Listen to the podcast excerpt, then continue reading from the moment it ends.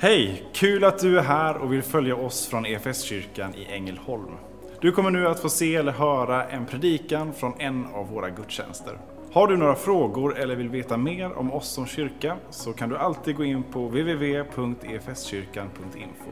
Vill du ha tillgång till mer undervisning eller ta del av våra inspelade konferenser eller gudstjänster gå gärna in på vår Play-kanal, efskyrkan.tv. Nu ska vi lyssna på denna veckas predikan. Otroligt gott att få stå tillsammans. Vi är väldigt få här i kyrkbyggnaden idag, men när vi sjöng nu sången, lovsången tillsammans här så, så blev det så, ja, men som en sån, igen en påminnelse om att vi inte står ensamma. Och vi står inte ensamma heller som församling, även om vi som lokal församling är utspridda just nu, utan vi hör samman med hela Guds folk över hela jorden i någon enkel lerhydda på liksom någon stepp i Afrika. Ursäkta mina, det är liksom inga fördomar eller så, men, men till någon katedral i, i Rom eller någon annanstans. Eller massor av folk hemma i sina hem som enas i bönen för att Guds rike ska utbredas och hans vilja ska ske. Måtte vi aldrig tystna i den bönen. Eh, det skulle göra väldigt, väldigt stor skillnad om inte kyrkan och Guds folk faktiskt är ett bedjande och tillbedjande folk. Nu ska vi få landa tillbaka i det som har varit vårt tema nu några veckor. Vi har ju fått följa Mose och påmint oss om hur han fick vara med och befria folket ifrån slaveriet i Egypten. Hur han fick vara med och leda folket genom ökenvandringen ut till Sinai berg där de får ta emot eh, Guds ord och de får fira sin gudstjänst men också i förlängningen hur de får ledas till det där utlovade landet, deras hemland. Men dessförinnan så har ju Mose faktiskt levt under flera, flera år, faktiskt i 40 år, i de här trakterna kring och i Midjans land. Där han har levt i, i landsflykt efter en händelse som skedde just i Egypten. När han var med och faktiskt stod upp för, för folket och, och det förtryck som folket utsattes för. Där ställde han sig i gapet och faktiskt hade ihjäl en egyptisk soldat. Han blev då rädd att farao eller att han skulle liksom få, få sona med sitt eget liv så han flydde landet och levde då som sagt i Midjans land under 40 år. Väldigt tidigt under den här landsflykten så får han också den stora förmånen att träffa sin hustru Sipara eh, och de får eh, starta ett liv tillsammans. Och jag tänker att, att den här långa perioden som Mose får befinna sig i, eh, i öknen och, och i ett enkelt liv, det var också en tid där han fick formas för det här stora uppdraget som Gud ska kalla honom till. Och låt oss bara få, få någonstans måla väldigt, väldigt enkelt upp kontrasten som Mose måste liksom uppleva. En kontrast som blir så där extremt stor. Mose fick födas och växa upp väldigt, väldigt nära farao och liksom den innersta kärnan i eh, dåtidens, eller den tidens absolut största civilisation. Han fick se hur, eller hur farao ledde, men han fick också själv vara med under sina 40 första år i livet, vara med och leda förmodligen stora arméer och var med och ta stora beslut som påverkade många. Och så plötsligt hamnar han under 40 år i Midjans land och får leva som i en enkel herde och han får lära sig ökenlivet. Formade de här perioderna honom för det här uppdraget som Gud kommer att kalla honom till. När vi nu idag ska få, får stanna upp inför händelserna som återges i Andra Mosebok eh, kapitel 18 så får vi vara med om ett kärt återseende. Mose får vara med om ett kärt återseende. Men alldeles strax innan detta så kan vi också läsa avslutningsvis i kapitel 17 om hur Israels folk där ute i, där de har slått läger i Refidim så, så blir de angripna av amalekiterna. Och där vid detta slag som kommer att stå så, så säger Mose till Josua, samla ihop en grupp av män som går ut på slagfältet. Själv ska jag gå upp på en höjd och be för folket. Och Mose han tar sin, sin stav med sig upp på den här höjden och så lyfter han sina händer. Och så länge han håller staven höjd och, och händerna är i, på något sätt i uttryck för, för bön och tillbedjan så går det väl för Israels folk. Men prova att stå så här. Inte bara tio minuter eller en kvart utan längre. Då händer detta att man tröttnar och armarna börjar sjunka. Och så fort de gör det så faller favören över på angriparna och amalekiterna leder slaget ner på slagfältet. Men han är inte ensam på den här höjden utan, utan Aron och Hur är också med uppe på, på den här platån. Och de gör då en sak som är, är så otroligt vacker och som också blir ett gott exempel för oss. De tar Mose när de ser att han tröttnar, sätter honom på en sten och så ställer de sig på varsin sida och håller upp hans armar och låter hans trötta armar vila mot deras sida. Och då går det åter väl för Israels folk. Det kan bli en bild för oss i det avseendet att, att faktiskt uppmuntra oss att tröttna inte er bön. När, när, när armarna börjar sänkas och, och det börjar gå, gå sämre för folket, låt oss stå sida vid sida och uppmuntra varandra och hjälpa varandra till att be för vårt land, för vår värld och för, för allt det som ligger på Guds hjärta. Men det blir också ett exempel för, för hur vi behöver varandra. Att hjälpa varandra praktiskt men också just i bönen. Men det var ju kapitel 17. Vi skulle ju landa i kapitel 18, eller hur? Det där kära återseendet som Mose får vara med om. När han får möta sin älskade och deras barn. Sipara och barnen kommer tillbaka och det verkar som att de liksom uppenbarligen har lämnat lägret för en tid för att återge sig hem igen och berätta för sin far om hur Herren har välsignat det här stora räddningsuppdraget eller den här stora, stora eh, räddningsaktionen. Men för Mose så blir det inte bara ett kärt återseende med, med sin fru och sina barn utan också med sin älskade svärfar. Getro, prästen i Midjan. Och vi kan läsa ifrån Andra Mosebok 18, verserna 7 och så några verser framåt. Mose fick bud om att hans svärfar var på väg med hans hustru och de båda sönerna.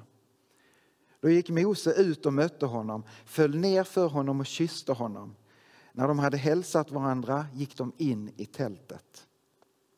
Mose berättade för sin svärfar om allt som Herren hade gjort mot farao och mot Egypten för Israels skull.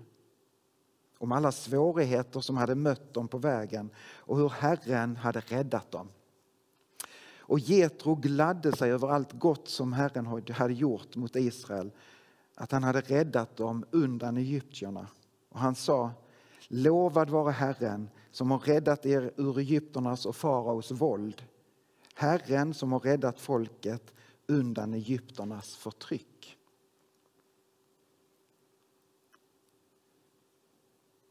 Sen får Jetro slå följe med Mose där och, och se hur han arbetar i lägret. Och vad är det han får se? Jo, han får se hur alla folk, alltså alla människor i det, i det här folket, i det här stora lägret, vi påminner oss igen, uppemot två miljoner människor som befinner sig där. En ledare, Mose. Alla söker upp honom för att söka råd och försöka hjälp i tvister som han får reda i. Och Jetro han ser hur Mose ensam får ta ansvaret för att förmedla Guds ord och leda folket i smått och stort. Folket står i långa köer dagarna i ända och får invänta sin tur. Då ska vi minnas att Mose är ju stöpt i den där formen som han hade fått se under sina 40 första år i Egypten. En envåldshärskare. Farao som pekar med hela handen och alla som bara följde honom. Men Mose behöver lära om. Och Jetro ser detta. Och Jetro han är rak och tydlig. Och när jag, när jag hör vad Jetro säger till sin svärson så undrar jag, är det fler svärföräldrar som har sagt samma sak till sina svärsöner? Han säger så här till Mose. Det här har du inte ordnat bra. Men det är inte en kritik som getro liksom uttrycker som ska skälpa Mose utan en kritik som ska hjälpa honom. Det är omsorg i getros reflektion. Han säger visserligen, det här har du inte ordnat bra, men varför? Jo, du Mose, du tröttnar ju. Du tröttar ju ut bara dig själv och du tröttar ut folket som ska behöva stå här och vänta. Så manar han Mose att bredda ledaransvaret. Och jag skulle vilja säga att han pekar på en, en struktur och en ledarkultur som är väldigt, väldigt sund. Och som också det pekar på en organisation som vi idag kallar en platt organisation. Vi kan läsa från Andra Mosebok 18, 17 och några verser framåt. Hans svärfar sa, det här har du inte ordnat bra. Du tröttar ut dig själv och allt folket som står här. Arbetet blir för tungt för dig. Du kan inte göra det ensam. Nu ska du lyssna på mitt råd. Då ska Gud vara med dig. Själv kan du vara folkets taleman inför Gud och lägga fram deras ärende inför honom. Och du ska inskärpa buden och lagarna hos dem och lära dem vilken väg de ska gå och hur de bör handla. Men du ska utse några bland folket dugande och gudfruktiga män, pålitliga och redbara, att sätta dem och leda grupper på tusen, hundra, femtio eller tio. Så får Mose lära sig just detta, att delegera och också bemyndiga andra att vara med och leda. Jag fixar inte det här uppdraget själv. Jag behöver fler för att vi ska kunna nå ut liksom på bred front. Vi ser ju att Mose har till viss del den här insikten redan när han blev kallad på Sinai berg långt tidigare.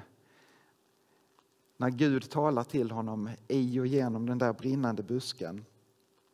Då är det ett personligt tilltal. Gud tilltalar Mose att du ska gå och befria folket. Men han vill inte gå ensam och så blir Aron, hans bror, involverad i uppdraget. Men här ser vi hur Gud faktiskt också manar att bredda ytterligare. Det är ett folk som ska hjälpas åt. Hoppar vi fram och ser på Jesus och han gör så kallar han också sina lärjungar och sitt folk och sina följeslagare på ett väldigt personligt sätt. Enskilt och personligt. Han tilltalar dem vid namn och knyter ofta an precis till deras livssituation där de befinner sig. Vi kan ta Petrus som exempel. Petrus är ute och fiskar. Jesus möter honom där, mitt i hans vardag. Han tilltalar honom vid namn. Och så säger han Petrus, du ska inte bara fiska på det här sättet utan jag kallar dig att vara en människofiskare. Kom och följ mig. Och Petrus måste vi väl ändå få säga kan ses som ledare för de där tolv lärjungarna som hänger allra närmst Jesus. Men det är ju inte bara de tolv heller. Det är inte bara Petrus, det är inte bara de tolv utan Jesus sänder också ut de 72. Och vi ser hur uppdraget breddas till allt fler. När Petrus lite senare kommer att bekänna Jesus. Jesus ställer frågan, vem, vem säger ni att jag är? Så är det Petrus som ledaren igen som, som steppar fram och tar till orda och säger han, du är Messias, den levande Gudens son. Då lyfter Jesus fram Petrus och hans bekännelse och säger så här att du är den där klippan varpå jag ska bygga min kyrka.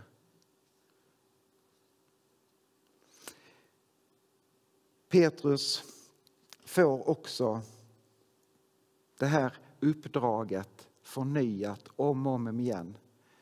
Att vara en människofiskare, att vara klippan varpå Gud vill bygga sin kyrka. Men Petrus han inser att det är inte bara honom det handlar om.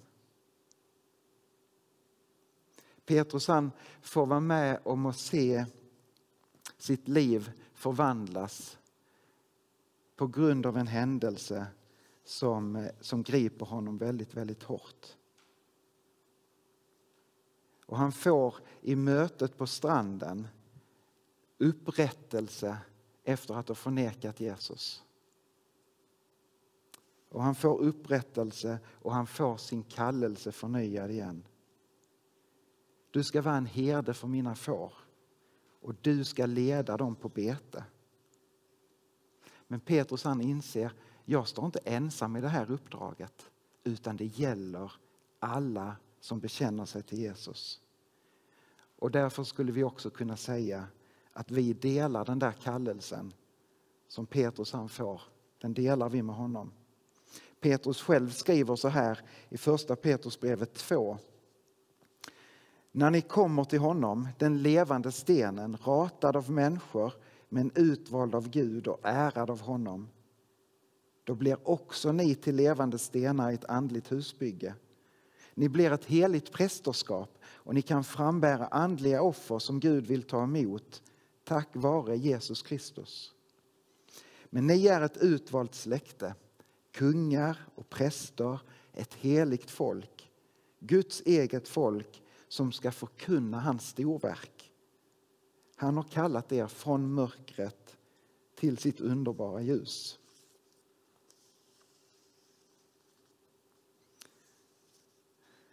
Tänk er vad som händer i Petrus hjärta.